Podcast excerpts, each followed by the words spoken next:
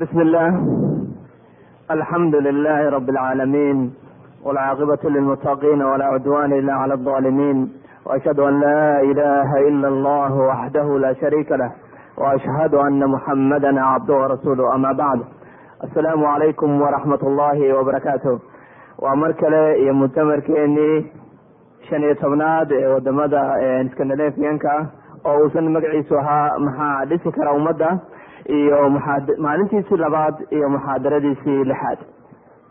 Waxaa galabta halkan inoo fadhiya oo muxaadir inoo ah sheekh maxamed cumar dirir iyo muxaadarada magaceeda la yidhaahdo hamiga qofka muslimka ayaa weyn. Marka sheekh maxamed diriir iyo muxaadaradiisii oo bilaabantay insha allahu tacaala sheekh falyatafadal mashkuura بسم الله الرحمن الرحيم الحمد لله رب العالمين وأصلي وأسلم على نبيه الكريم إمام الحنفاء وقائد الغر المحجلين وعلى آله وأصحابه وأزواجه الطاهرات أمهات المؤمنين وعلى التابعين لهم بإحسان إلى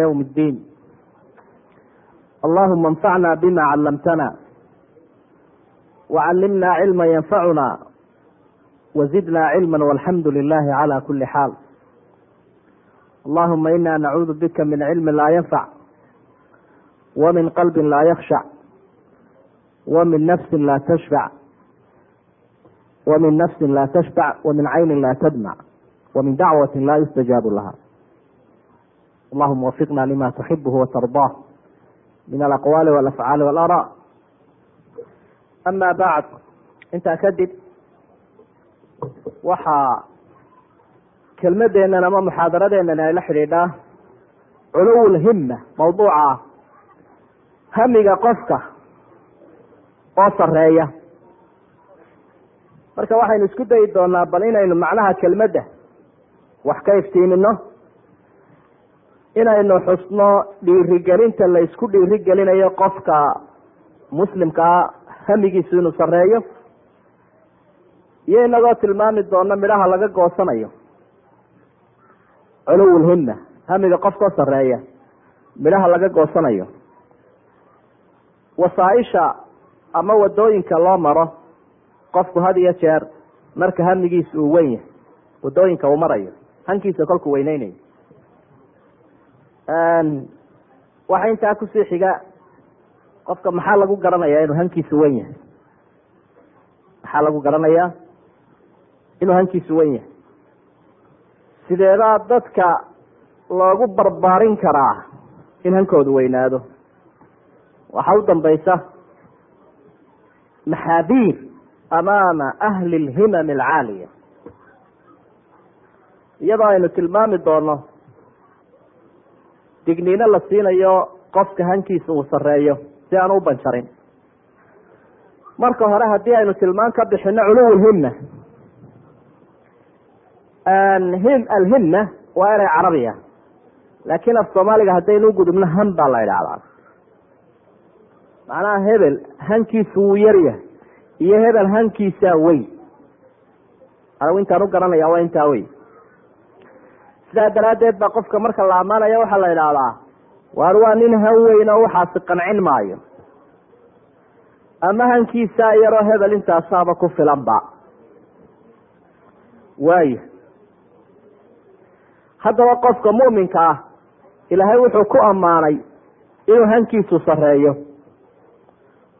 oo aanu ahayn qof meel soke oo hoose ka fikiraya. Suurat lbaqara haddaad ilaahay ammaanto dadkiibaa laba qaybood uu ka dhigay. Marka ay xajka isugu yimaadaan qof markuu ducaysanayo wuxuu leeyahay rabbanaa aatinaa fi dunya xasana wamaa lahu fi laakhirati min khalaaq ilaahay oo adduunyada waxisiid waxa u dananiba waa adduunyada.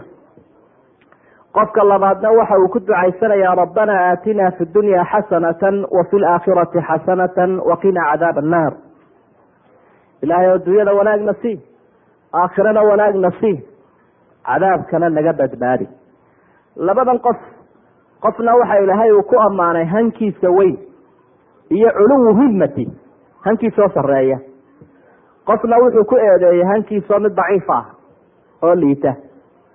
Adduunyo yaroo kooban buu intuu afka kala qaado ilaahay gacmaha hoos dhiga uu bariyey buu adduunyo yar bariyey qofkana wuxuu ogsoon yahay nicmooyinka adduunyada iyo kuwa aakhiro inuu labadaba ilaahay hayo markaasuu ilaahay adduunya iyo aakhiraba weydiistay xasanata dunya wa xasanata alaakhira labadaba ilaahay buu weydiisanaya maxaa labadan qof kala farqiya? Midna ilaahay u ammaanay midna uu eereeyey waxa u kala farqiya midna hankiisaa weyn oo waa muuminka. Midna hankiisaa yar oo waa qofkan aan iimaanka lahayn. Walaal waxaa habboon inaad isqiyaasto talow kaa iyomaa tahay adigu talow adigu kaa makaa adduunyada ku xiiqa ilahay qaxwaha weydiisanaya keliya. Eele talow sidee arsaaqad loo cunaa talow sidee loo shaahaya talow halkeeba wax laga soo helaya dee ummadaha la nooshi waa aragteen qofku wuxuu ku buuxsan yahay ee uu ordayo ee uu waalan yahay. Laga yaabo beenun uu sheegu wax kale u gudbo waxa weye siduu u helaa adduunyo. Laakiin qofka muminka ah adduunyo oo dhan dooni maayo xasana. Aakhirana waxau ilaahay weydiisanayaa jannadiisa. Cadaabkana uu ka magan taasi waa taa weeye walaalayaal midhka kale jira qofka muminka ah hankiisu wuu sareeyaayo waxa uu ku fikiraa tiisa iyo ta ummadaba tiisa naftiisa iyo maslaxadiisa iyo maslaxadda ummadda labadaba uu ka fikiraa. Qofka munaafiqaana alla wuxuu ku xusay uu ku sheegay inuu yahay mid ka fikiraya keliya tiisa sidaa daraaddeed baa ilaahay waxau ihi markuu munaafiqiinta ka warramaya qad ahamathum anfusuhum. Waxaa hami geliyey maxay? Naftooda un masalan aayaddu waxay ka sheekeynaysay oo ah qisadii dagaalka ka warramaysay uxud marka halka muuminiinta ay maalintaa muuminiintu ay walaalahooda kale ka fikirayeen. Nebi maxamed caleyhi salaatu wasalaam muxuu mutaystay talow ma dhintay mise wuu nool yahay. Ay ka fikirayeen. Talow gaalada sidee laysaga celiyaa laga fikirayay kan munaafiq ahayna naftiisa hami geliso talow halkaad gashaabuha talow bahasha nafta ah halkee kulib ku libdhisayood la gashaa ayuu xaalkiisu ahaa qad hamatum anfusuhum iyadoo taa uu sii cadaynaya rasuulku sala allahu calayhi wasalam waxau ihi man lam yahtama biamri lmuslimiina falaysa minhum wardadii how qofka aan arrimaha muslimiinta guud ahaan ka fikirin ee dareenkiisa aanay ku jirin iyaga ka mid maaha macnaha wuxuu rasuulku xusayaa qofka mu'minka hamigiisu inuu sareeyo oo yufakir caalamiyan. Wuxuu u fikirayaa si sare oo aanay magaaladiisa iyo reerkiisa iyo xaafadiisa iyo inahaasun ahayn laakiin qofkan intaana uu ka fikiraya waajibka ka saaran buu fulinaya haddana hami weyn buu xambaarsan yahay oo kii ummadda ah oo ummaddu la daran yahay oo ummaddu u warwaraya ka warwaraya marka culuwulhimma waa ka noocaasa wey intaa marka laga soo gudbo markay culimadu tacriifinayeen qolaba waxbay ku sheegeen. Qola waxa ay ku sheegeen culuwulhima inuu yahay istisqaar maa duna nihaaya min macaali lumuur marka uu qofku hadaf leeyahay ee ujeeddo uu leeyahay ujeeddadaa wax allo wixii ka sokeeya arrin culusi wuu la fudud yahay meel buu samaysanayaa yoola ama til meeluu ku socdaabaa jirta oo cayintay meeluu calaamadsaday baa jirta. Marka halkaasu ayuu ku jahaysan yahay. Wax allo wixii ka sokeeya wixii la soo gudboonaada wuu la fudud yahay wixii balaayahay ku timaada wixii cadowahee waajaa wixii arinee ku cuslaada ma uma joojinayo. Halkaa u calaamadsan buu ku soconaya. Nin shaacirabaa taa ka warramaya waxau ihi idaa kunta fii amrin maruumi falaa taqnac bina duna nujuumi marka aad ku socoto arrin maruuma oo maqsuuda arrin markaad raadinayso. falaa taqnac bima duna nujuum xidigaha waxa ka sokeeya ayay ku celin. Allo waxaa xidigaha ka sokeeya ayuu ku joojinine. Duulimaadkaagu waa inu toos ahaadaa.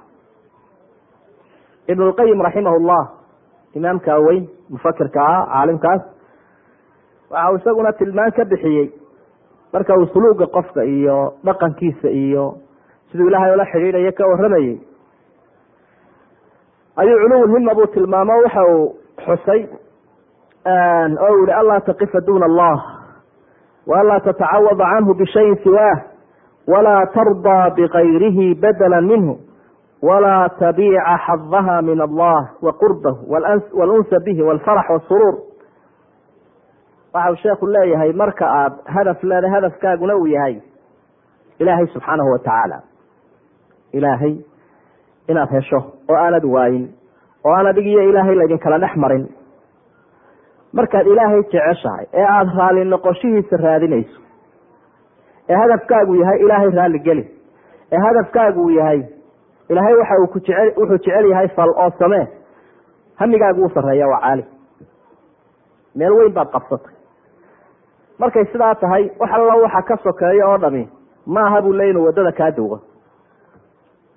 Taa sheekhu wuxuu ku bayaaminaya qofku sidiisaba markuu ifkan un ifkan joogo adduunyadan joogo uma noola uun inuu wax cuno oo uu cabo oo uu raaxaysto oo uu xoolo yeesho. Laakiin intaaba wuxuu u yeelanayaa si uu ilaahay u raalligeliyo waxa uu wax u cunayaa xoolo u leeyahay u caafimaad qabaa xoog u leeyahay inuu ilaahay raalligeliyo subxaanahu watacaala waxaa taa muujinaya ummadii fadliga badnayd ee sida xidigaha aynu ku dayanayno cid waliba cid ay ku dayataaday leedahay waa asxaabtii nebi maxamed ridwaan ullahi calayhim markuu ilaahay ammaanayey laba arrimood buu ku ammaanay. Ee uu tilmaamayay halkii loo socday inay gaadheen wixii adduunyada ilaahay ku adoonsaday qofka inay xaqiijiyeen markuu ilaahay uga markhaati furayay nebi maxamed asxaabtiisii laba arrimood buu xusay labada arrimood ee haayada ah qofka hamigiisa uu wen yahay. Waa ilaahay oo jeclaaday iyo ilaahay oo ka raali noqday subxaanahu watacaala ulaaika xizb llah alaa ina radia allahu canhum waraduu canhu ulaaika xizb llahi alaa ina xizb allahi hum lmuflixuun suuratu qad samica afarkeeda kuwa ilaahay baa ka raali noqday baa rabbi uri xisbigii ilaahayna way noqdeen. Xisbiga ilaahayna waa dadka horu maray kol hadduu qofku ilaahay xaggiisa meel wanaagsan kaga liistaysan yahay oo ilaahay uu ugu jiro liiska dadka uu raaliga ka yahay qofka waxba kama maqnaa waxa labaad oo ilaahay uu tilmaamay diintan islaamka ee dadka uu ku adoonsado in la gaadhsiiyo ummadda ammaanada in la gudbiyo. Ciddii muslima ee xaq u yeelatay in loo hiiliyona in loo hiiliyo macnaha waajibka ah haddii ay dadku ka gaabiyaan ilahay wuxu uhi fasawfa yaati illaahu biqowm yuxibuhum wayuxibuuna adilatin cala almu'miniina acizatin cala alkaafiriin. War haddaa waajibkiina gabtaan oo waxa ilaahay uu idinku adoonsaday oo ah inaad xadhigiisa soo qabsataan oo diin ah haddaad taa sheegtaan. Waxaan idinku bedeli doonaa buu ilahay yihi keeni doonaa qoliyo iyagu iyaga uu jecel yahay ilahay iyaguna ilaahay jecel. Mu'miniinta u naxariis badan cadowgana ku adag. Markaasaa ilahay wuxuu ku sifeeyey biqowm yuxibuhum wa yuxibuuna ilaahay baa jecel. Iyaguna ilahay bay jeclaadeen marka halkaa waxaad ka arkaysaa waa masaladan uu sheekhu iftiiminayo marka culuwulhimna qofka hadligiisa u sarreeyaa inuu taa noqdo weye tallaabaduu qaadayaba. Maaha inuu kursi dheer un doonayo. Maaha inuu lacag badan doonayo wixii uu doonayaba ilahay buu ku raali gelinaya. Wuxuu dantiisa u qabanayo wuxuu reerkiisa u qabanayo wuxuu wadankiisa u qabanayo iyo wuxuu diinta u qabanayo mar walba wuxuu isku dayayaa maxaad ilaahay ku raali gelinaysa? Arrinta uu sheekhu u leeyahay anlaa taqifa duna allah walaa tatacawada canhu bishayin siwaah waa inaanad waa inaanad ku qancinin ilahay wax ka sokeeya. Ilaahay inaad raali geliso oo ilaahay aakhire aad kula kulanto isaga oo kaa raalliya oo ifkan aad ku caabuddo isagoo kaa raalliya oo addoonnimadii uu ku abuuray aada xaqiijiso taa wax ka sokeeya inaanu ku qancinin ayaa culuwulhima la yidhahdaa bu laga yaaba qofku haddii la yidhaahdo masel qofka hankiisu weyn yahay ama culuwulhimali dadka qaarkood inay ku fasiraan waxa weye qofka dawlad doonaya ama kursiga u doonaya ama xoolaha u badan ama xooga u badan saas oo kale. Kullu dalik waxaasoo dhan marka uu qofku haddii uu baadi doonana waxa u baadi doonaya maaha dantiisa maaha dan cid kale. Waxa weeyaan ilaahay ku raaligeli marka horta inaynu waxaynu u abuurana iyo waxaynu xaqiijinayno inaynu fahamnaaba aada iyo aada u muhiima. Taasi waa taa. Fa ina alhimna kulamaa calat bacudat can wusuuli alaafaati ilayha. Saa daraaddeed baa waxa ay ku sifeeyeen qofka hankiisa uu sarreeyaa waxa uu ka dhigaya shimbirkaa duulaya oo kale. Ee isku dayaya shimbiraha kale hawada duulaya inuu dul maro mooyaane. Inaan isaga cidi dul marin waxaa haddaba islaamkeenu qofka ku dhiiri gelinaya muminkaa walalayaal qofka muminkaa wuxuu islaamka ku dhiiri gelinayaa inuu noqdo mid hamigiisu sareeyo oo aan isu dhigin adcafu nnaas dadka ka ugu tabar daran ee ugu daciifsan inaanad isu dhigin waa nasiib daro dadka qaarkooda markay cabanayaan ay calancalayaan ayaad maqlaysaa isagoo leh dee inagu muslim africana baynu muslim africana baynu nahay o saa iyo saasaynu nahay saasaynu istaslama macnaa qofkii wuu isdhiibay hamigiisii uu libdhay.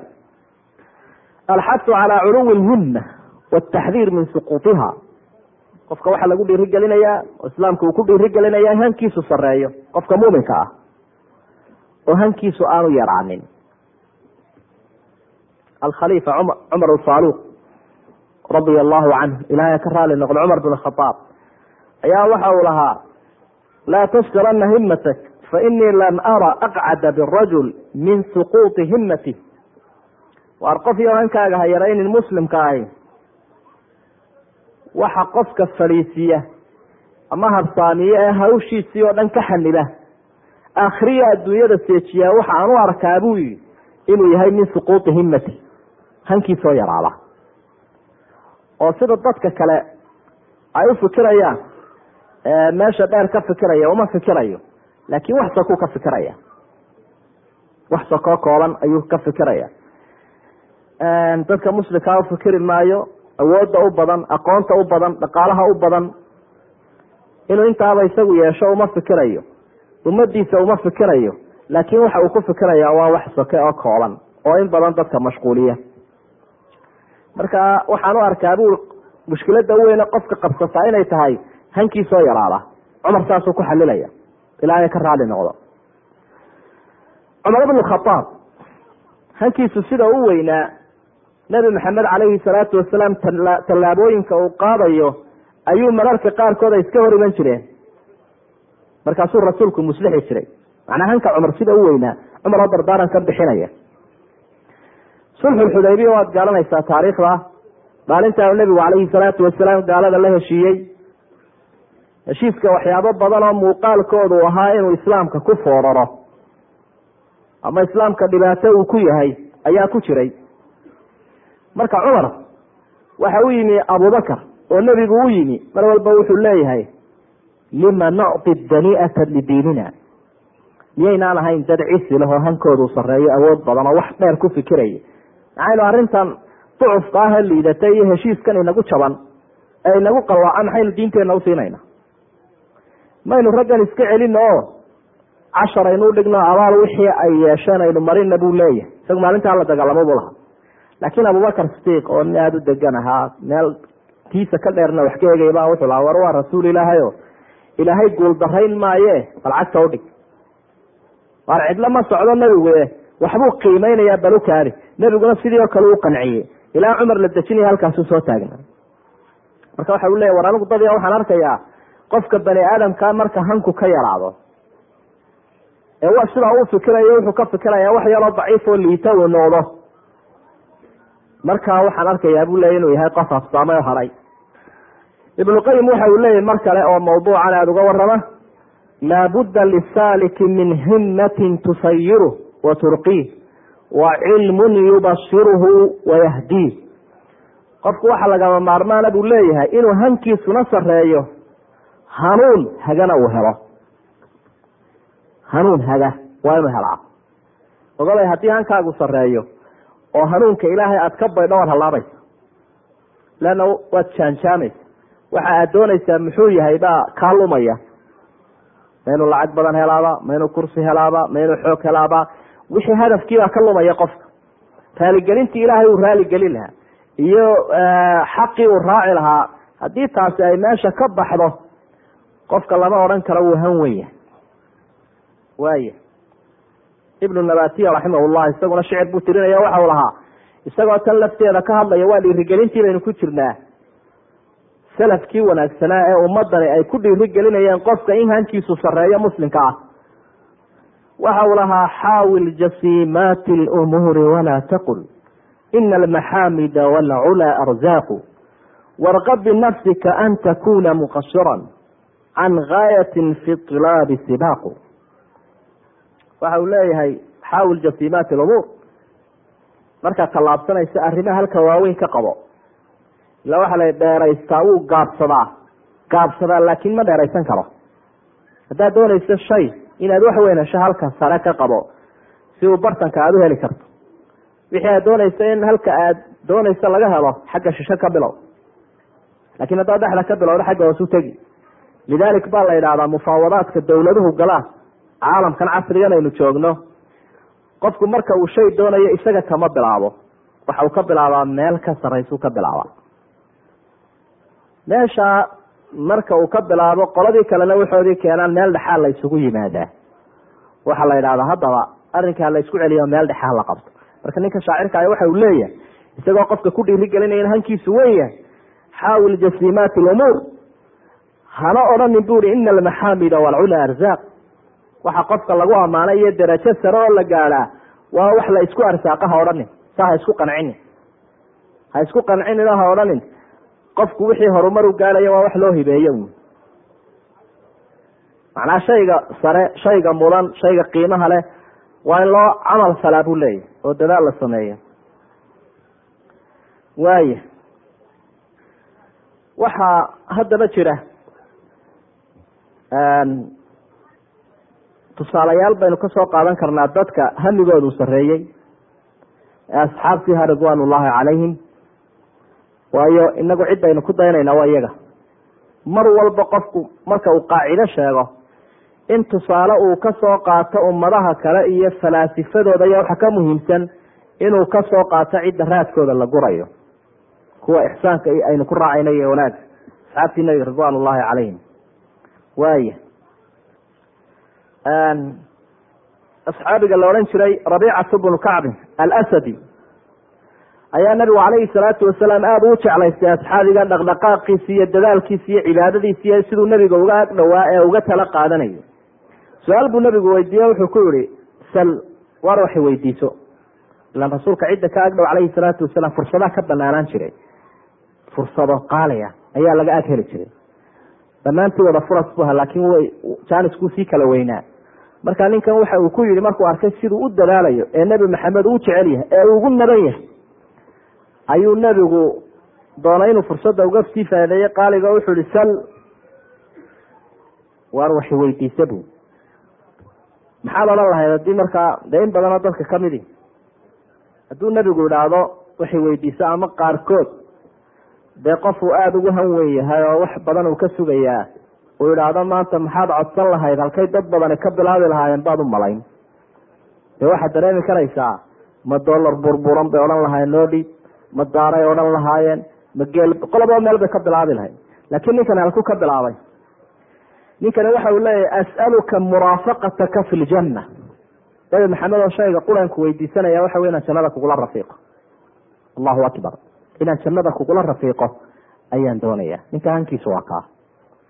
Inaan jannada kuu raaco oo nabi maxamed caleyhi salaatu wasalaam aan rafiiqiisa noqdo taasaan ku weydiisanaya allahuma inaa nasaluka muraafaqata nabiyina fi ljanna inaguna ilaahay baynu baryaynaa inuu inaga dhigo kuwo nebi maxamed jannada kula rafiiqa calayhi salaatu wasalaam wamaa dalika cala allahi bicaziiz. Ilahay kuma adka kol haddaynu dad muslimiin oo camal falayana markaa nabigu calayhi salaatu wasalaam waa kii kula taliyey inuu sujuuda badiyo sujuudda. Rasuul allahi maxamed marka uu qofku u sheeganayo marka uu qofku leeya waan jecelahay marka uu qofku leeya shafaacadiisaan doonaya waa inuu siduu ilaahay u caabudayo o caabudaa. Sujuudda badi sujuudda iyo salaada ayuu kula talinaya nabigu calayhi salaatu wasalaam tusaale labaad wuxuu nabigu ka warramay calayhi salaatu wasalaam jannada. Marar badan buu dee asxaabtu si ay u muraaqoodaan oo ay u camal falaan oo ay ugu yididiishaan ay ugu dadaalaan. Wuxuu nebigu dadka aada uga warrami jiray jannada. Sida qur'aanka kariimkaaba ilahay u aada ugaga warramay. Jannadu ka warramay wuxuu xusay dad kamida ummadani inay jannada ku geli doonaan bikayri xisaab iyadoo aan ilahay xisaabba marinin inay jannada gelayaan. Ummaddaa isagoo saa uga warramaya nabigu calayhi salaatu wasalaam ninun baa halkan kaga soo booday nebiga oo wuxuu leeyahay udcu llaha an yajcalanii minhu. Nabi maxamed oo ilaahay waxaad ii baridaa inaad inuu kuwaa iga mid dhigo inuu kuwaa igu daro kuwaa jannada ku gelaya xisaab la'aan iyo cadaab la'aan iyo kadeed la'aan wax dhibi iyadoonay soo marin jannada horey looga furayo kaarkeeda loo dhiibayo. Ilaa nebi maxamedo kuwaa ilaahay ii bar inuu igu daro. Halkaasuu kaga soo booday. Rasuulku sala allahu calayhi wasalam wuxuu ku uri yadaad ka tahay anta minhu. Kuwaa jannada ku gelaya xisaab la'aanta ayaad ka mid tahay. Nin labaad baa isma doonay janiska inuu ka faa'iideeyo wuxuu ihi anigana ilaahay ii bari inuu igu daro. Silsiladaasi way furmaysaa meella ku dhamaan maysa uu iska xidhay nebigu markaa wuxuu ihi sabaqaka bihaa cukaasha ninka cukaasho la ydhaha baa kaaga dheereeyey macnaha ninkan waxa uu albaabkaa uga galay. Fursadii buu ka faa'iideeyey hankiisi baa noqday mid aada iyo aada u weyn oo qolyaha kale uu ka sii maadaama uu ka horreeyey uu ka sii weynaaday. Marka wuxuu ku ku soo xidhay nebigu cukaasha kaaga dheereeyey isagoon janno u diidanayn asxaabtiisa rasuulku sala allahu alayh wasalam laakiin la doonaya haddana janiska ninkaasa helay waxaanu ku helay hamigiisa sareeya tusaalaha saddexaad. Wa abubakr sidiiq radia allahu canh radia allahu canhum wa ardaahum. Isagii ehelkiisaba ilaahay ka raali noqdeen. Nabigu wuxuu ka warramay calayhi salaatu wasalaam maalin maalmaha ka mid a jannada iyo dadka gelaya in dadka salaada caanka ku ahee ku dadaala albaabay ka galaan ay yeelanayaan dadka sekada caanka ku ahee albaabay ka galaan ay yeelanayaan. Dadka soomka caanka ku ahee ku dadaala ay baab arayaan albaabka magacaa la yidhaahdo ka gelayaan saasuu nebigu u tiriyay calayhi salaatu wasalaam iyadoo sidaa uu wado ayuunbuu abubakar in gaaban kala qaaday nebiga oo markaasaa wuxuu yihi nebi maxamedow hankiisu suu fikiraya saxaabigu abubakr sidiiq. Waan ogahay oo wax dhibaato ahi qabsan maysee ma jiraa qof intoo albaabba looga yeedhaya haddaad tidhi dad qolada salaada albaabkaasaa looga yeedha qolada soomka albaabkaasaa looga yeedha qolada sekada albaabkaasaa looga yeedha qof malaaigta ilaahay intaba ay uga yeedhayso la odhanayo hebelow kaale hebelow kaale hebelow kaalay. Ma jiraa oo la isku qabsanayo lagu tartamayo casiis noqonaya qaali noqonaya. Malaaigta jannada soo dhaweynta ay isku qabsanayaan. Ha adigaana kamida bui nabigu calayhi salaatu wasalaam. Hayo abubakar ow adaa ka mid a bal arrintaa eeg biculuwi himati eeg dadkan kale intay wax kale ka fikirayaan. Waxaa laga yaabaa qofka marka la wacdiyayo in dadka qaarkood adduunyadii ay ka fikirayaanoo maqano jooga uu yahay oo meelo kale uu ku xidhan yahay qofkii wax kale uu ka fikiraya abubakarna intan la wacdiyayo wuxuu ka fikirayay talow sidee la isula doonanayaa. Ninka damiciisa uu yahay intaasoo qaybood oo jannada kamida inuu helo. Oo intaasoo albaabe lagu casuuman yahay uu ka galo talow fursaddaa sidee la isu waafajin karaa? Halka qofka ganacsadaha haddii loo sheego ee ifkan jooga la yidhaha halkaa carwaa ka jirto waa laga faaidaya halkaa mid kale ka jirto waa laga faaidaya halkaa waxbaa lagu xaraashaya waa laga faaidaya wuxuu odhan lahaa talow intaba sideen dayuurada u raacaayo aan janiska uga qayb qaata halkaana wakiilu samey halkaana wakiilu samey si aan waxbaba kuu dhaafinba oo janisyada uga faa'idaysa abubakar intanuu nebigu tan waday isna tanuu ka fikiraya s inta sidee la isula helaa markaasuu nebigu yihi calayhi salaatu wasalaam ila waa loo nuuriye qeybka ilaahay baa usheegaya rasuulku sala allahu calayhi wasalam. Iyagaad ka mid tahay unbu nebigu intaasoo albaab dad looga yeelayo laga casuubayaa jiro adiguna ka mid baa tahay. Adiguna ka mid baa tahay. Marka halkaa waxaad ka arkaysaa dee cidduu rasuulku sala allahu calayhi wasalam uga markhaati kaco janno waxa waa in waxa maqtuuca macnaa waxaa loo goynaya inuu haljanaa ka mid yahay abubakar dee tobankii lagu bushaareeyey jannadu kow ka ahaade ee waxa weye sidaa cukaasha oo kale iyo sidaa cukaasha oo kale iyo ninkaa kale aynu isagana ku soo bilownay rabiicatu bnu kacbin alaslami.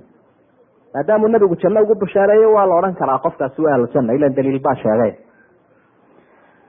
Tusaalaha saddexaad waxaynu ku soo qaadan karnaa ee ka waramaya qofka dadku inuu kala himo weyn yahay abu hurayra abu hurayra. Magaciisa waa kunya abu hurayra. Laakin magaciisa waxaa la odhan jiray cabdiraxmaan binu sakra dawsi magaciisa aqwaal dhowra waa ka iyo waa ka iyo waa ka la yidhi laakin cabdiraxmaan binu sakra dawsi baa la odhan jiray. Reer daws buu ahaa. Wakti kooban buu islaam ahaayo ilaa saddex sanadooda waxaan u asxaabiga ugu xadiis badan. Asxaabi kalau tilmaamayo camr bnu caas cabdillahi bin camr bnu caas la odhan jiray. Inuu ka xadiis badan yahay oo qoraalka uu yaqaanay laakiin haddana marka laga inta ay wariyeen abu hurayra ka xadiis badan. Almuhim abu hurayra markuu nebigu arkay calayhi salaatu wasalaam isagoo ka dhammaan la oo halkuu maraba ag fadhiya oo wixii uu sheegayaba xafidayo duubanaya maskaxda ku duubaya oo aada u yaab leh markuu arkay ayaa nebigu calayhi salaatu wasalaam isagana uu doonay sidii qoladii hore inuu jaaniska uga faa'iideeyo waxau ihi alaa tas'alunii min hadihi alghanaa'im allatii yas'alunii asxaabu an abi hureyre dee miyaanad adugu waxba iga weydiisanaynin qaniimadan badane soo xaroonaysa asxaabtu guranayso. Dee qaniimad baa cadowgii laga helaya waxbaa la soo ururinaya xoolaa la keenaya hebelaa soo fadhiisanayo anigana waxidiiba nabigu u qaybinaya ilaa waxba u meelaysan jirin. Sida dadkan ay xaadhatee busaaladu qalbigooda ku ururtay ma ahayn rasuulku sala allahu calayhi wasalam wawajadaka caa'ilan faagna ilaahay baa wuxuu yihi rabbi wuxuu ku helay adiga oo faqiiraho. Markaasuu qani kaa dhigay xoolaba ma lahayn waa qaninimada nafta. Ilaahay qaninimada nafta ha inoogu roonaado. Qofku hadduu qalbiga qani ka yahay waxba dhibi maayaan. Hadduu laakiin qalbi faqiir yahay xoolo kastuu leeya waa caydh leanna wuu kakan yahay oo dab baa ku baxaya. Waan abu hurayra miyaanad waxaan la guranaya waxba iga weydiisanayn buuri ila waa tan waa markaa dharka uu gashan yahay baa yar uu iska gaajaysan yahay. Waxa uu ka mid ahaa ahlu sufaa qoladii la odhan jiray ee rasuulka sala allahu calayhi wasalam masaajidkiisii ka ag dhowaa ayuu ka mid ahaa. Maalinta la yidhaahdo waa la dagaalamaya cadowgii baa lagu hinjinaya hubkiisuu soo qaadanaya. Oo waxa uu la dagaalamaya cadowga. Inta kalena cadowga labaadee khatarta badan ee muslimka naafeeyey oo ah jahliga ayuu la dagaalamaya cilmigiibuu ururinaya. Waa laba cadowo khatara. Intaa cadowga gaaladu ay dadka muslimiintaa yeeleen waktigan in la eg buu yeelay cadowga jahliga la ydhahdaana sidaa daraaddeed baa qur'aanka kariimkaa ilaahay fii suurati tawba waxa uu xusay labada dagaal in mar la wada galo. Dagaalka kufaarta iyo dagaalka jahliga. Markuu ilaahay la hadlayay dadka muminiinta waxa wamaa kana almu'minuuna liyanfiruu kaafa? Falawlaa nafara min kuli firqati minhum طaa'ifa liyatafaqahuu fi اddiin waliyundiruu qawmahum ida rajacuu ilayhim lacalahum yaxdaruun yay muminiintu dagaalka u wada bixine dagaalka jahliga qaybe ha u hadho. Oo aqoonta iyo masaa'ilka fiqiga ha bisleeyeen si dadka ay wax u gaadhsiin karaan lacalahum yaxdaruun si ay kuwa kalena u feejignaadaan. Qofku markaanu garanayninba maxaa xile saaran? Maxaa waajibe u yaalla tujaaha ummati wa tujaaha nafsi wa tujaaha mustaqbali maxaa u yaalla mar haddaanu garanayninba? Dee qawqa ah gidaar yar buu iska fadhiisanaya halkaasuu jaadiyo sigaar ku cunaya lowga laabaya. Aan lowga laabna buu shaqadiisu tahay. Taasuu ku jiraya. Almuhim taasi waa mawduuc kale abu hurayra wuxuu ku jawaabay wuxuu yihi as'aluka an tucalimanii mima callamaka allah. Anigu wuxuuan ku weydiisanaya wuxuu ilahay ku bara inaad wax iga barto anigu kuma weydiisanayo qaniimadan dadku guranayo.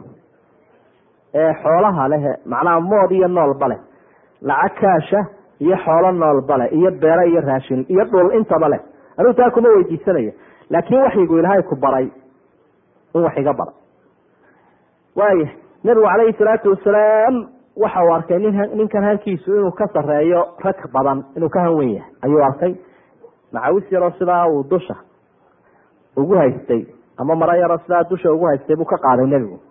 Sidaasuu udhigay axaadiistii buu ku akriyay iyo asraartii ilaahay u dhiibay rasuulka sala allahu calayhi wasalam aan abi hureyre sidaa u qaado halkaa ku dhaji buu markaa intuu sidaa u qaaday halkaa ku dhajiyey marka abu hureyra waxa uu leeyahay faasbaxtu laa usqitu xarfan mima xadathanii intaa wixii ka dambeeyey xarafba dhulka igama dhici jirin. Maxaynu odhan karnaa ma rikool buu liqay nebigun baa u dhibay calayhi salaatu wasalaam. Rikoorkii maskaxda ayuu safeeyey.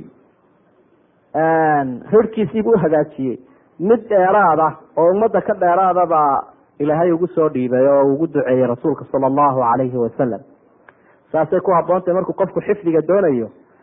Dadka ahlulfadligaabay tahy inuu duco weydiisto. Waalidkiisa iyo sheekhiisa ama dadka taqwada leh ayay tahay inuu duco weydiisto inuu ilaahay u sakhiro xifdiga iyo fahmada. Iyadoo taqwadii alla kacabsiguna sal weyn u yahay. Waaya marka halkaa waxaad ka arkaysaa dee ragna xooluu guranaya abi hureyrana halkaasu isa soo taagay. Waa laba arrimood oo kala duwan lama laha xoolaha laga tago. Xoolaha waa la qaadanayaa qofku marka uu dariiqad xaqa ku qaadanayo waa sax wuu dhaqanaya waa urursanaya wuxuu xaq u leeyahay buu qaadanayaa laakiin wuxuu ku qanacsan yahay saxaabigani inuu cilmigu ka qaalisan yahay waxa la yidhahdo maalka. Siduu caliy bnu abi aalib isu barbardhigayay waay waxaa saddexaad mawduuca saddexaad aynu wax ka xusi lahay waxa weeye hamaratu lhimmati alcaaliya midhaha laga goosto hanka sareeya qofka marka hamigiisa uu sareeyo midhaha uu ka goosanayo. Midhaha uu ka goosanayo waxaa ka mid a taxqiiqu kathiiri min alumuur alatii yacuduhaa caamatu nnaasi khiyaalan laa yutaxaqaq waxa uu qofka hankiisa uu sareeya hirgeliyaa wax dadku khiyaali u arko waxaan jirin u arko ama waxaan suurtogelaynin u arko. Qofka hankiisu sareeyo ee tiiradiisu ay dheertay in dheer garadka la yidhaahdo ee iswaafajiyo hankiisoo weyn iyo ficilkiisa iyo fulintiisa iswaafajiya ile qofka hadduu hankiisu weyn yahay aanu dhaqdhaqaaqba lahayn dee halkaasunbuu fadhiya maskaxdiisunbuu ka guuxayaa wixii uu doonayay marka wuxuu isku darayaa fikir wanaagsan oo iyo fulintiisa qofkaasi waxa uu hirgelin karaa wax dadku u haysto waktiga hore inuu khiyaali yahay. Taarikh alislaami markaad dib u akrido waxaad arkaysaa dadkii hankooda uu sareeyey fikraddii markii hore ay soo dhigeen iyo wixii ay dadka u sheegayeen inuu ahaa mid lala yaabayay laakiin waktigii dambe sideedii iyadoo ala arkay tusaale waxaynu soo qaadan karnaa sheekha la odhan jiray cabdillahi bnu yaasiin waxau ahaa nin caalim ahoo culimadii maalikiyada ka mid ahaa. Ninkaa isaga ah waxa uu tegay meeshan la ydhaha mauritania oo berigaa dadka muslimiinta ah ku nooli diinta safmar bay ku noqotay. Waxaynu uga jeednaa wax badan baa khamriga iska cabayeen oo sinaday ku dhici jireen oo ribaday iska cunanayeen oo baatil badan bay ku dhex jireen. Nimankii cuqaash ahaabaa u yimid oo waxay idhahdeen sheekh axmed oo waxaanu doonaynaa inaad dadkan waxu sheegto haddii uu tago ummadii waxu sheegayna qofka mufsidka ah sidiisaba muslix ma jecla qofka mufsidkaa hadduu yimaado mid muslixi waxa uu isku daya inuu ka hortago dagaal kala hortago weliba ficila sheekh axmed waa la eriyey wuxuu ka dhaqaajiyey halkaa intuu koox yar kaxaystay waxa uu tegay meeshan la ydhaha senegal halkaasuu degay. Waxa uu ka samaystay teendhooyin yaryar isaga iyo ardaydiisii. Teendhooyinkaasi cilmiga ku akhrisan jireen. Halkaasay jihaadka iyo axkaamtiisa iyo culumta sharciga ah iyo qofka muslimkaa intuu ifka joogo wixii waajib saaran iyo tarbiyo wanaagsan buu dadkii siiyey. Wixii ka yimaada dhinacan waqooyiga africa meelahan iminka lagu sheego dowladaha lagu tilmaamo cid aliya ciddii wanaag doonaysa ama cilmi isaga ku soo biirtay colkiisii wuu biiray wuu biiray toban kun buu gaaray labayo toban kun buu gaaray dad uu tarbiyeeye weeye isaguna murabbi uu yahay. Markii dambe jihaadkii bay sii bilaabeen. Waxa ninkaasi uu asaasay dowladda loo yaqaano dawlat lmuraabitiin ee taariikhda gashay. Haddaad maraajicda muslimiinta akrido aada arki karayso dowladda taariikhdeeda. Raggii uu soo saaray qeyb kamida baa jihaadkiisii hogaamiyey oo dacwadii hogaamiyey ilaa shan iyo toban dowladood oo afrikada ah ayay islaamka gaadhsiiyeen xoreeyeyna oo dadkii cawaamka ah si ay ka xoreeyeen. Markii labaadna waxay xoreeyeen spain. Meeshan la idhahda imika andalus la odhan jiray oo iyaduna dadka muslimiinta ah waktigaa laga xoog batay ayay xoreeyeen. Waa xertii sheekh axmed yaasiin. Ciidankii dowladdaasi markii dambe wuxuu gaadhay shan boqol oo kun oo mujaahid ayuu gaadhay waa nin intuu meel ka tegey macnaha muraabitiin waxaa loogu magacaabay iyagaa teendhooyinkaa ay dhisteen ee muraabadada iyo difaaca ay halkaa kaga jireen cidlada ah meel kayma ah oo biyo dhexdooda. Taasaa halka magacu uu ka soo raacay waa halkaa marka waxa arrintaasi ay ahayd hadduu dadka u sheegi lahaa bilowgii oo odhan lahaa dowladda caynkaas ahoo awooda lahoo halkaa xorayso shan iyo toban dowladood islaamka gaarsiiso oo andalus xorayso oo ciidankeedu shan boqol oo ku yahay oo ninkani mu iska aamusamay dad badani ayay odhan lahaayeen. Arrimaha uu sheegaya wax isqabanaya maaha wadaad baa waxaasoo dhan sababu noqonaye laakiin biyad biqudrat illaah ayay wax waliba ku horgelayaan iyo hamiga qofka muslimka ah ee caaliga ah ee sareeya taasi waa mid weeye waxaa la yidhahdaa axlaamu lams xaqaa'iq lgad wa axlaamu lyawm axlaamu lams xaqaa'iq lyawm wa axlaamu lyawm xaqaa'iq lqad maanta waxa dadku uu ka fikiraya shalay wuxuu ka fikiraya waa wax maanta xaqiiqo noqonaya. Waxa maanta laga fikirayaana waa shayga berinta xaqiiqo noqonaya. Waaya arrinta labaad ee jirtaa waxa weeyaan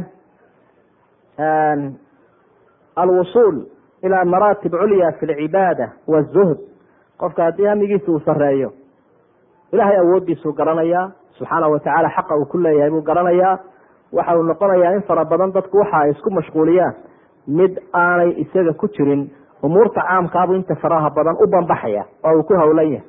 Sidaa daraaddeed baa soomaalidu had iyo jeer waxay odhan jireen raganimo dantaamoogin bay ku jirtaa waxay uga jeedaan qofku arrimihiisan yaryare gaarka ah haddii uu ku howlan yahay raganimadii ummaddu ay ka doonaysa ee islaamku uu ka doonaya laga heli maayo. Laakiin markuu wixiisan yaryar iska fudaydsadee dadka nafta ka jaray ee arrimaha caamka ah uu farbaxo kolkaasaa nin ragga loo ictiraafaya beeldaajiye ah. Waaya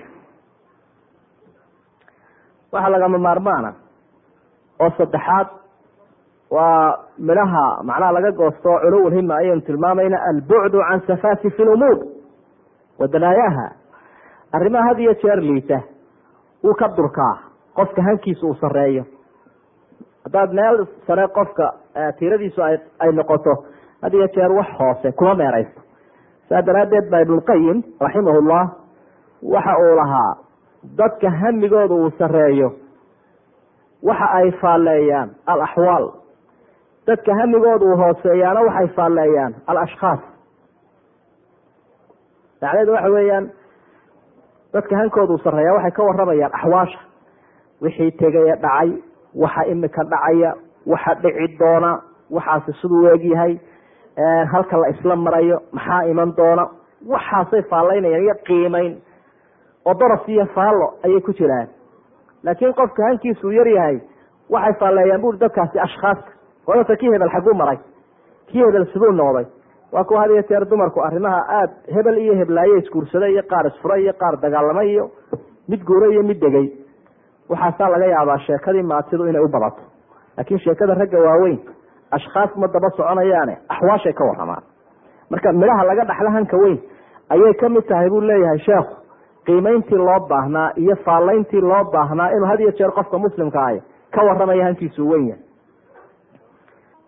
Waxa midhaha laga goosanaya ka mid a saaxibu hima alcaamil alcaaliya yuctamadu calayh wa tunaatu bihi lumuuru sacba wa tuukalu ilayh qofka hankiisa uu sarreeyo had iyo jeer waxaa loola tagaa oo loola yimaadaa arrimaha adkaada markaasaa la yidhahdaa war arrinkaa kala maarminayna hebele. Bal hebel aynu sugno. Wallahi arrintaasi waxay u baahan tahay furfuri kari mayno waa in hebel helaa. Hebel iyo hebel baynu sugi. Dadku arrintan adag maxay ula sugayaan? Waxay ogyihiin qofkan inuu xal keeni karo. Waxa dabeetana imanaya arrinkii la doonaya inuu halkiisa dhaco mar haddii ciddiisii lala sugay. Waa markuu dadku miyirka qabe qofka loo garaabayo. Waxa shanaad ama afraad oo laga goosto ka mid a qofka hankiisa uu sareeyo yustafaad min xayaatih aw yastafiidu min xayaatihi acdama istifaada wa takunu awqaatuhu muthmira. Qofka had iyo jeer isaguna wuu ka faa'idaystaa waktigiisa iyo aqoontiisa ummaduna way ka faaidaysataa oo way u aydaa way u aydaa. Imaamu nawowi raximah llah ayaa waxa uu leeyahay maruu ardaydiisa oo la yaabay dadaalkiisa iyo waxa uu qorayo. Maray la yaabeen ayaa waxa uu maalintiiba wuxuu akri jiray itnay cashara darsan sharxan wa tasxiixan. Laba iyo toban deris maalintii. Halkaynu inagu la garanay qof dhowr kelmadood oo la sheego ama dhowr casharoo la bixiyo. Labiyo toban deris oo joogto ah ayaa shaqadiisu ay ahayd imaamu nawowi raximah llah maalintii markaasaa waxa uu samayn jiray qaarkood wuu taaliifinaya oo wuu qorayaa qaarkood wuu tasxiixinayaa qaarkood arday buu u gudbinayaa o u gaarsiinayaa qaarkood waa wacdi oo dadweynaha ayuu gaarsiina halkaas adigu sideed saacadood oo laga yaabo in shaqadooda ay fududahay la il daran tahay. Isagu labayo tobankaa isku xidhiidsan buu shaqayn jiray maalin walba. Markaasaa ardaydiisa mid kamida buu ku lahaa baaraka allahu fii waqti ilaahay baa waktigayga ii barakeeyey. Muu odhanin anaa ka faa'iideeyo xariifahoo sidan u kala tafsiiliyo faallo badane wuxuu ihi ilaahay waktigiibuu ii barakeeyey buu lahaa. Waa tala tilmaamo taariikhdiisa marka laga warramayo shan iyo afartan meelahaas cimrigiisu ahaa. Dee maraajicda uu alifaynaa waa boqol bay ku dhawaanaysa ama tiradooda aada iyo aad bay u badan tahay. Mujaladaadkooda ay maraajicda u qoray isagu inkastoo uu ka mid ahaa dadkii maguursatada ahaa. Oo hankiisu sida u sareeya waxaa odhan jiray marka la maxaad u guursan weyday? Nawowi la weydiiyo. Wallaahi dumarkaa dhiiggale anigu ku jabin maayo bikaaradayde kuwa jannadaan la sugayaabuu odhan jiray. Waayo macnaha waa hankiisa sareeya ka mid ahay. Qodobka lixaad saaxibu alhimmati alcaaliya qudwatun linnaas. Qofka hankiisa uu sareeyo midhaha laga goosto waxaa kamida dadku tusaale u noqdaa. Tusaalu dadka u noqdaa. Marka had iyo jeer waalidku markuu caruurtooda tilmaamayo le war sida hebel noqo marka qof dadka kale aqoonyahankaa la tilmaamaya la odhanaya war hebel oo kale maad noqoti waa waa cid lagu sargoostaabuu noqonaya oo dadka lagu dhiiriyo. Oo had iyo jeer ciddii way xigsanaysaaba dadka sida wanaagsan ufikiraya weyaane ay yidhaahdaan sida hebel oo kale sida macnaha wuxuu noqonaya qof tusaale loo soo qaato. Inaynu tusaale w tusaale wanaagsan helaana qiimo weyn bay noogu fadhidaa. Dadka haddii dadka hormuudka u ah ee culimada iyo madaxda iyo salaadiinta iyo tujaarta iyo odayaasha iyo dumarka iyo dadka had iyo jeer hormuudka u ah. Hadday noqdaan dad silan oo aan hagaagsanayn ummadaasi ciday ku dayato heli mayso. Jiilka ama qarniga wax hore ukiciya marka ka ka horreeya uu arkayo isagoo wanaagsan. Laakiin kii mutacalimka sheeganayay oo qabyaalad ku soconaya oo dal iyo dadba duminaya oo wuxuu soo gaadho sida bahalka ayax dee dabadiiroo liqaya. Kolka uu arko kii ka dambeeyey ka kaa kolka uu arko dee awrkii hore ayaa runtii xumaade wax lagu xidhiidhin lahaa. Marka saaxibu hima alcaaliya waa qof lagu dayan karo ayuu noqonaya waxaa toddobaadoo midhaha kamida takyiiru dariiqati xayaati shucuubi walafraad saaxibu lhima alcaaliya sababtiisa ilahay shucuubta iyo shaksiyaadka ku hagaajiyaa waxaa la yidhahdaa taariikhda ummadaha marka dib loo eego xataa qur'aankeena kariimkaaba aynu ka qaadano marka ummaduhu hagaagaanna dadka hogaaminaya ayaa noqda dad hagaagsan. Marka ummaduhu ay halaagsamayaanna inta hormuudka u noqota ayaa ah in liidata. Laakiin marnaba dadku intooda badani ma wanaagsanaadaan. Akharu naas de qur'aanku intuu cabirayo waa adiga arkay mar walba akharu naas dad silan weeyo aan hagaagsanayn qiyaadada iyo had iyo jeer dadka hormuudka ah haddii hamigooda uu sareeyo mid caaliya yahay ummadahaasi way hagaagaan shucuubtaasi way horu maraan laakiin hadday u hooseeyo oo tooda u daran tahay ummadahaasi way halaagsamaan.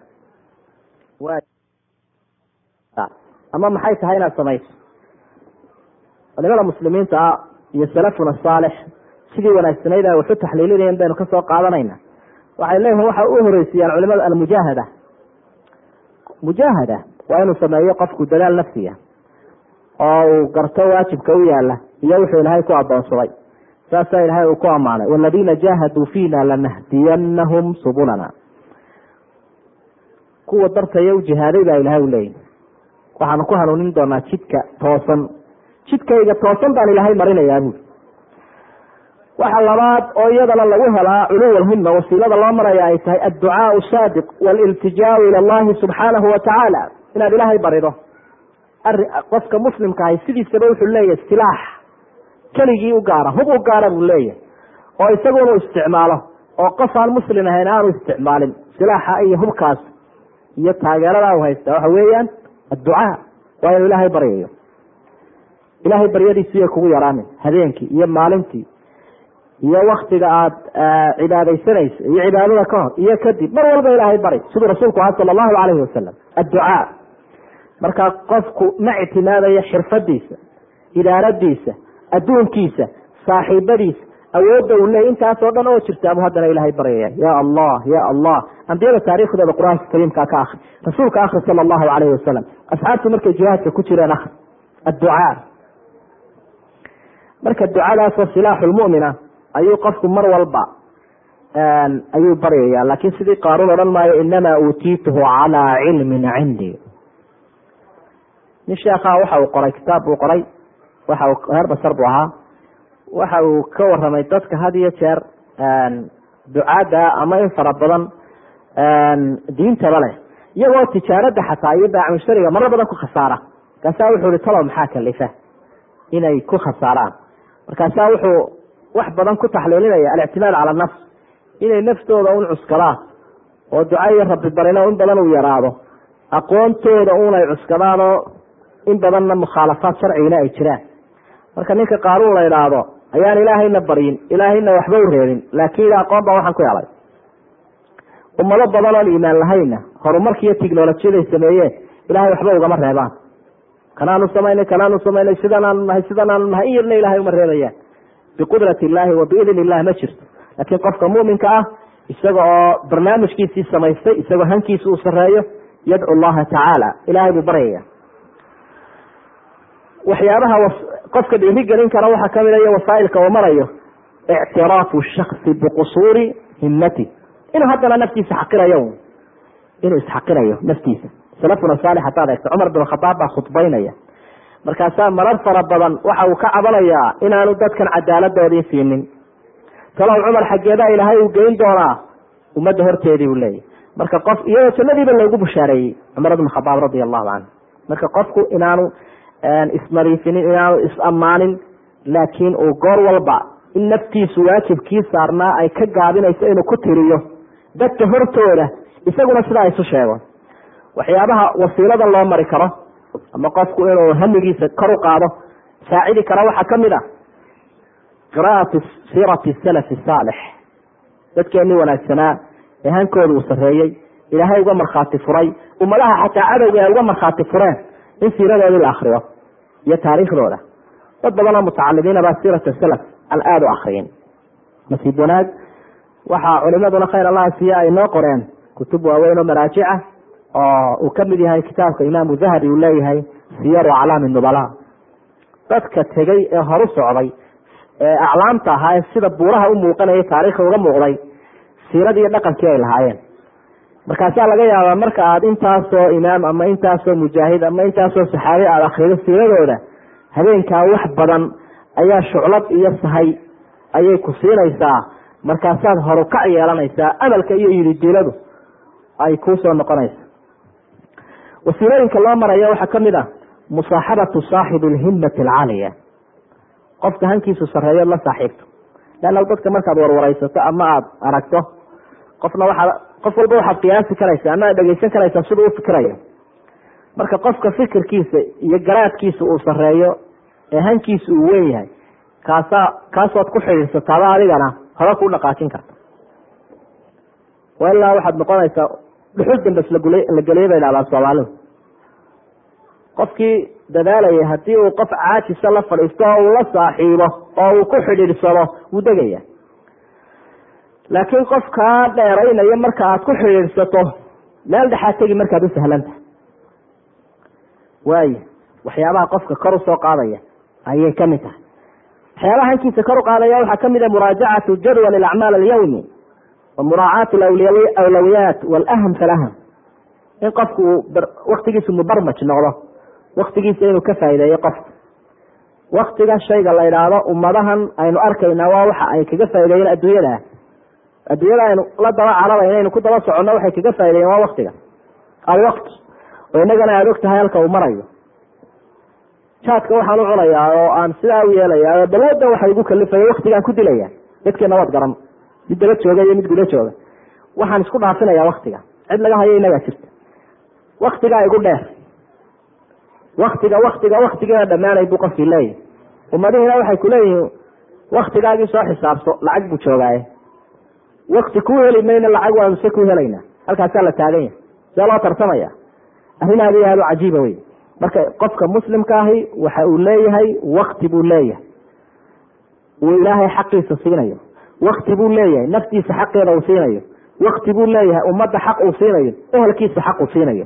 Sidaa rasuulku sala allahu calayhi wasalam asxaabtiisa ugu barnaamijayey bacdu salaf marka aad siiradooda akrido culimadii maraajicdan waaweyne layaab kale noo qoray qaarkood baa la tilmaamaa isagoo waktigiisa ku lexe jeclaabaya inaanu cuni jirin raashinka adag hadeekada arabakida iyo had iyo jeer bahala waxaa buurbuuran haddaad iminka istidhaahdo cun iyo hilib kuuskuusan iyo dee waad garanaysaa saacad buu qaataa calaalintooda iyo wadwadkooda iyo isku hagaajintooda iyo iska hagaajintooda wakti buu qaataa.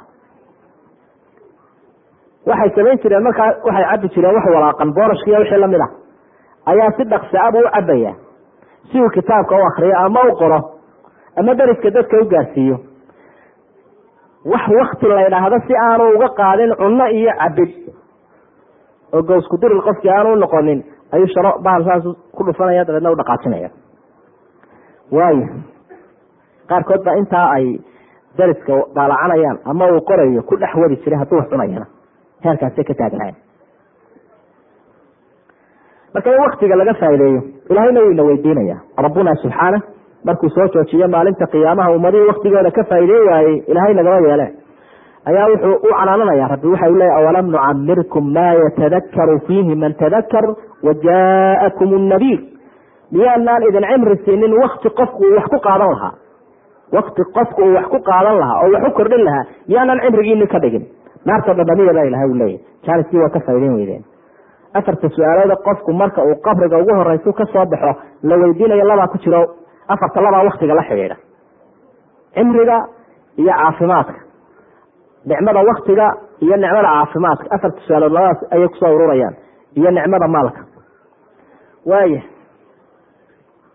waxyaabaha qofkii runtii mashquulin kara ka saacidi kara ka mashquulin kara baan leenahay inuu xaqiijiyo tan oo kale. Waxaa ka mid a ziyaarat alaxbaabi walaqaarib intii loo baahnaa inuu ka bariyo siyaarada ehelka iyo siyaarada asxaabta iyo dalxiiska iyo booqashada inuu intii loo baahnaa ka badiyo iyada qudhigeedu waxa ay dhaafin kartaa waktigiisana way ka xumayn kartaa qofka.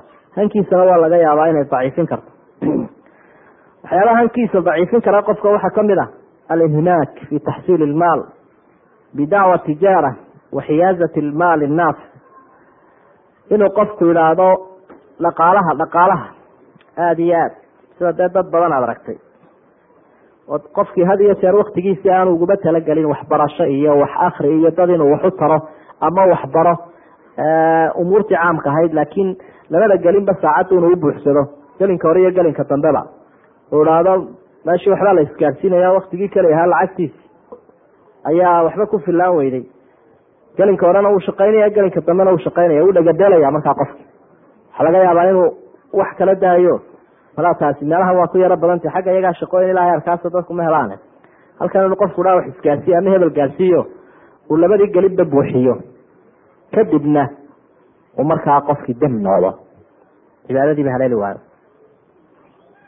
waxyaabaha keeni kara inuu carqalad ku noqdo culuwulhima waxaa ka mid ah ataswiif ataswiif berito berito shaqadii maanta u inuu ihahdo qofku beri ta beri u inuu ihahdo saa dambe saa inuu camalki.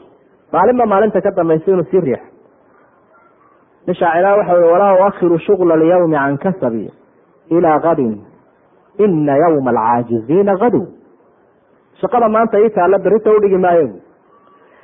Leannahu waxaa la idhaahda beri waa yowm alcaajisiin kuwa tacbaanay maalintoodu waa beri maalintoodu maanta ma aha laakin maalintoodu waa beri qofka caajiska la idhaahdo waaya cumar ibn cabdilcaziiz imaamkaa weyn ee raximahullah tusaalaha ku ahaa hogaaminta khulafadiina lagu xusuusanayey ayaa shaqadii ay ku badato saacado dheeraadu xafiiskii fadhiyay oo madaxtooyadii ummadda uusii shaqaynayay. Nin markaa saaxiibadii kamida baa yidhi maad ka dhigatid shaqadan qaar berri maad isaga dhigtid waxau ihi war shaqadii maantaan la ildarahaye ta berri markay ku biirto sidaan odhan. Tii maantaan la ildarahay ood leedahay waad qaban kari weyday bal ta berrina markay ku biirto ka war. Macnaa qofkii dhan buu udhacaya marka taswiifka waxa la idhaahdo inuu qofkii iska daayo. Waxaynu ku xigsiin lahayn oo qodobka afraad uu noqonaya madaahiru culuwilhimma qofka waxyaabaha muujinayaad ku garan karto inuu yahay hankiisu miduu sareeyo haddaad doonayso dadka inaad qiyaasto ama aada mashqac geliso maxaad ku garanaysaa qofkan inuu hankiisu sareeyo kii lagu dayanayo ama lala saaxiibayo yahay? Waxyaabaha lagu garanaya waxaa ka mid a isagoo qofkii ka gudanaya ama aada uga fikiraya celiili xagga waktiga ah waktigiisii wax khayrlaabu ku wadaa. Haddana wuxuu ka fikiraya oo ka calalcalaya waktigiibaa igu yaraaday. Waktigiibaa igu yaraaday.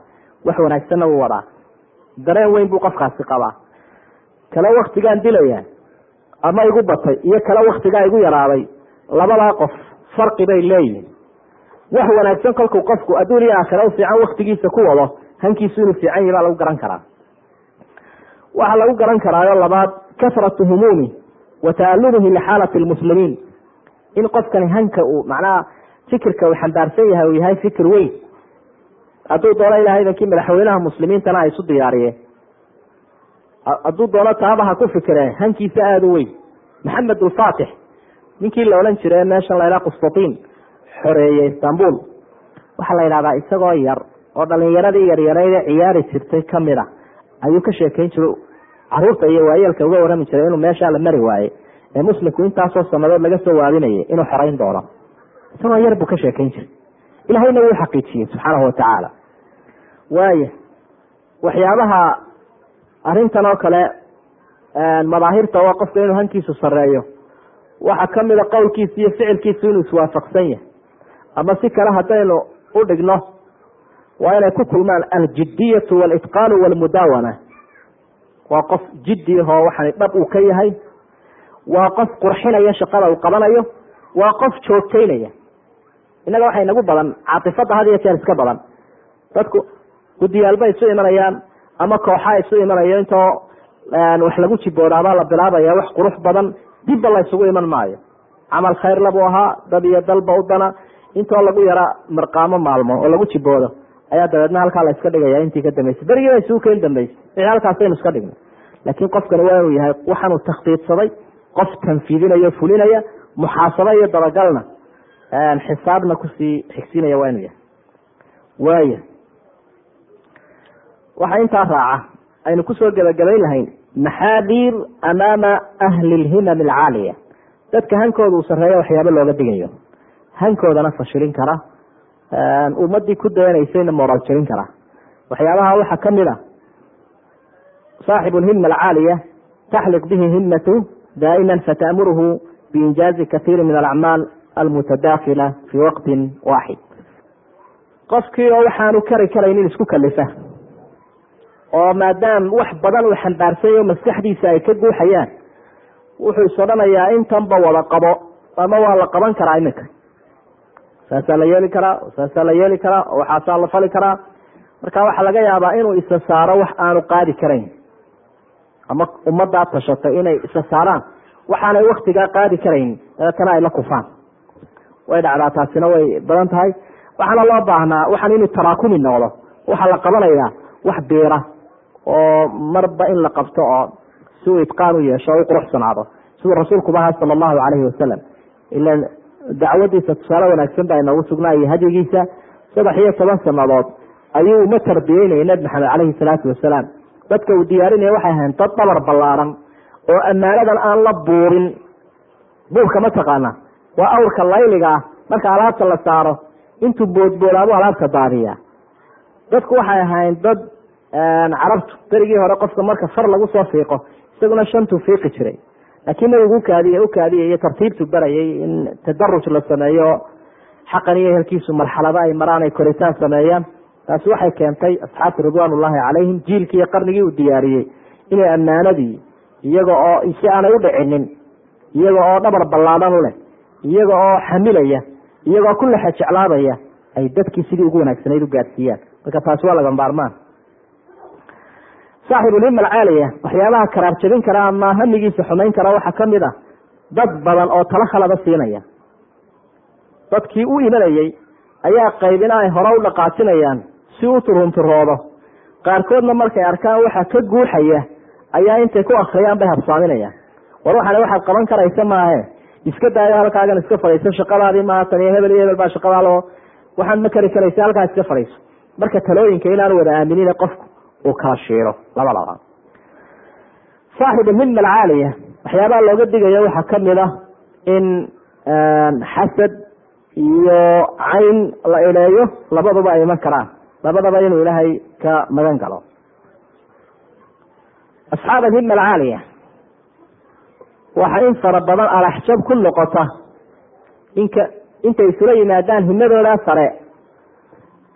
Kana wax keeno kana wax keeno dadkii hankoodu weynaaye iskaashanaya ee isu soo ururay dabeetana uu isdhaafto aragtidoodaasi aragtidaa isdhaaftay ixtiwaa ay ku samayn kari waayaan oo ay qaban kari waayaan midayn kari waayaan. Dabeetana uu yimaado khilaaf.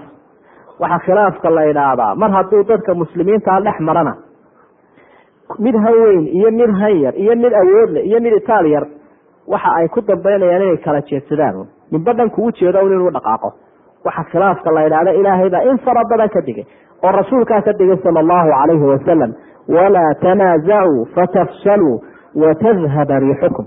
Dadka muslimiintaa maanta u fiirso ma awood laha oo dee kun iyo dhowr boqol oo milyan oo qof weeye ma dhaqaalo laha oo enerjigi iyo tamartii caalamka u badnayd iyaga haysta. Dhulka ay degan yihiin waa ka ugu istaraatiijisan maxaad sidan ka dhigay? Maxaa halkan dhigay dadka muslimiinta? Waa khilaaf dowlado yaryar qabaa'il yaryar shaksiyaad yaryar kooxo yaryar. Ilahayna waa kaa tilmaamay fashalki fatafshaluu marka waxaa la yidhahda khilaafku wax badan dad hankooda uu sarreeyey oo si fiican u fikirayey oo humuum badan iyo dareen badan xambaarsanaa marka uu arko walaalihiisii wax la qaban lahaa oo isaga ka horjeeda way ka dhacdaa. Oo macnaha hankiisaasi wuu lumaa hakashaa ku dhacda sidaa daraaddeed waxaa looga digayaa dadka sida fiican u fikiraya oo maxaadiirta ka mid a waxa khilaafka la idhaahdo waxaa khilaafka la idhahdo inay aada iyo aada uga feejignaadaan dadka muslimiinta ahay maxay aragti ku kala noqon karaan? Maxaanay si ku kala tegi karaynin inuu qofku garto? Wajazakum allahu khayra wahada ma aquluhu waastagfir allah wasalaamu calaykum waraxmat ullahi wabarakaatu jazaaka allahu khayra sheekh maxamed cumar dirir muxaadaradii inoo soo jeediyey. Ilahay waxaan uga baryaynaa subxaanahu watacaala in allahu kugu daro miisaan miisaanka xasanaadka maalinta aysan jirin meel kale oo loo ciirsado inta dhegaysatay ee maqashayna waxaan leenahay ilaahay subxaanahu watacaala haynagu anfaco. Waktiga aada uma badna laakiin waxaan aada ugu soo koobi doonaa laba su'aalood aada ku kooban oon sheekha weydiin doono. Waxaana ka cudurdaaranayna su'aaluhuna way badan yihiin. Inta badanna mawaadiicda mar walba culimadu jeediyaan iyo su'aalaha laga jawaabo ee casiradaha ku jira iyo kuwa sida joogtada looga jawaabo ayay u badan yihiin. Marka qofkii su'aashiisa halkan ka maqli waaya maha macnaheed inaan tuurnay? Wixii aan ka gaarno waa samaynayna wixii kalena waxaad kala xidhiidhaysa insha allah casaradii hore ama mutamaradii hore. Sheekh maxamed su'aalo isu dhow dhow ayaa waxay leeyihiin hamniga igu jira ayaa wuxuu yahay inaan diinta islaamka barto. Isla markaana markaan bilaabo ee aan bartanka marinayo kitaab baan bilaabay bartankaan marinaya laakiin ma dhamaysanayo muddadaa kadib baan ka tegaya markaan muddo maqnaado haddana waa kitaab kalan dubu bilaabaa. Isagiina ma dhamaysanayo. Marka maxaad igula talin lahayd sheekh taladu ilaahay baa talahayo addoonka ku hanuuniyo sida wanaagsan. Laakiin waxyaabaha kaa saacidi kara waxaa ka mid a inaad u yeelato cilmiga aada baranayso sheekh kaala taliya qofku markuu doonayo shaqada inuu ka horumaro ama adduunyada inuu ka horumaro mustashaar waa lagama maarmaan cid kula talisa marka cid sheekh kuu noqoto oo kula talisa oo manhajiyada ama waxbarashada iyo koritaanka aada samaynayso aada ka qaadato waa inaad heshaa laakiin haddaad keligaa ismaamusho waxaa laga yaabaa laba fanina inaad aada ugu xeel dheeraato. Iyadoo toban fani oo kale oo waajib inay tahay inaad wax ka barataa halkan ku yaalaan laba sanadood baa laga yaabaa toban fani inaad mid walba kutubta yaryar iyo kuwa dhexe ka baran karto. Cid kuu barnaamijaysa oo kuu habaysa oo ku tilmaanta haddaad hesho. Haddii kale afar sanadood baa laga yaabaa inaad saddex kitaab ku xiiqdood ku dawaqdo marka waxaynu odhan lahayn dhalinyarada gaar u akhrisashada. Gaar u akhrisanaysaan ha waa loo baahanya laabudda an yactamida shaksu calaa nafsihi kaiiran in badan inuu qofku naftiisa cuskala ha. Laakiin waa inaad heli kartaa oo aad culimada cilmiga ka qaadataan iyo talada. Iyo sideebaha ugu fiicane loo qaadan karaa cilmiga loo baran karaa. Su'aasha kale xigtaa waxay u muuqataa inay dhinaca dhalinyarada ka timi oo ku saabsan sheekh haddii halkan la joogo oon iskoola dhigano miyaa wax dembihii ku jiran. Haddii qur'aanka aan ka dhigano dhowr jis aan salaada tukano laakiin aan cilmiga kala dhigano oo aanan masaajidadii ku xidhnaanin oonaanan masaajidadii casharada ku qaadanin sababtoo ah waxaan ku mashquulsannahay cilmigii kale. Marka ma wax dembiya ku jira intaa kooban ee yar aan ka baranay diinta islaamka kadibna aan barano culumta kale ma wax dembiya ku jira mise saasaan ku saxsannahay. Horta marka hore alxamdulilah rajo wanaagsan baa leedihiin. Dadkiina halkan qofkana sideedaba hidaayada ilaahay baa haya waa laga yaabaa qof halkaa hore xaggaa marka uu joogay iskaba yarsi ahaa. Markuu halka yimi xaqaa'iq badan uu arkay inuu ilaahay hanuuniyo oo uu hagaago arrinkiisu. Mid halkan hagaagsanaana markuu xaggaa tago inuu wax kasi noqdaan way dhacdaa. Markaa hidaayada ilaahay baa leh taasi waa mid weeye.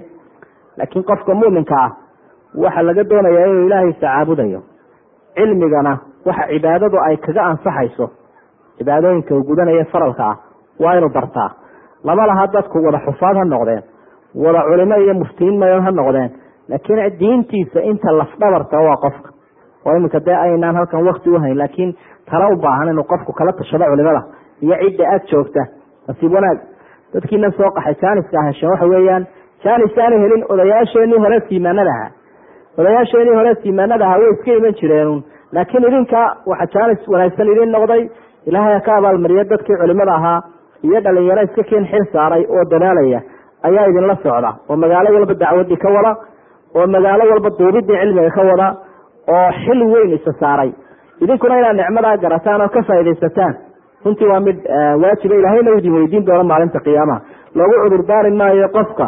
Jaahil baan ahaa. Waayo sawkii hebel kula ag taagnaa cilmigiioo duuban iyo cilmigiioo la gudbinayo taasaa kuu taalla. Marka jaaniska inaad ka faaidaysataan oo maxaa waajiba maxaa cilmi maxay cibaadadu kaga ansixi karaysa? Cilmiga intee loo baahan yahay? Asaasiyaadkii qofku waa inuu yaqaana ilaahayna si wanaagsan u caabudaya. Dee cilmigiisa naadigaa uu baran karaa markaa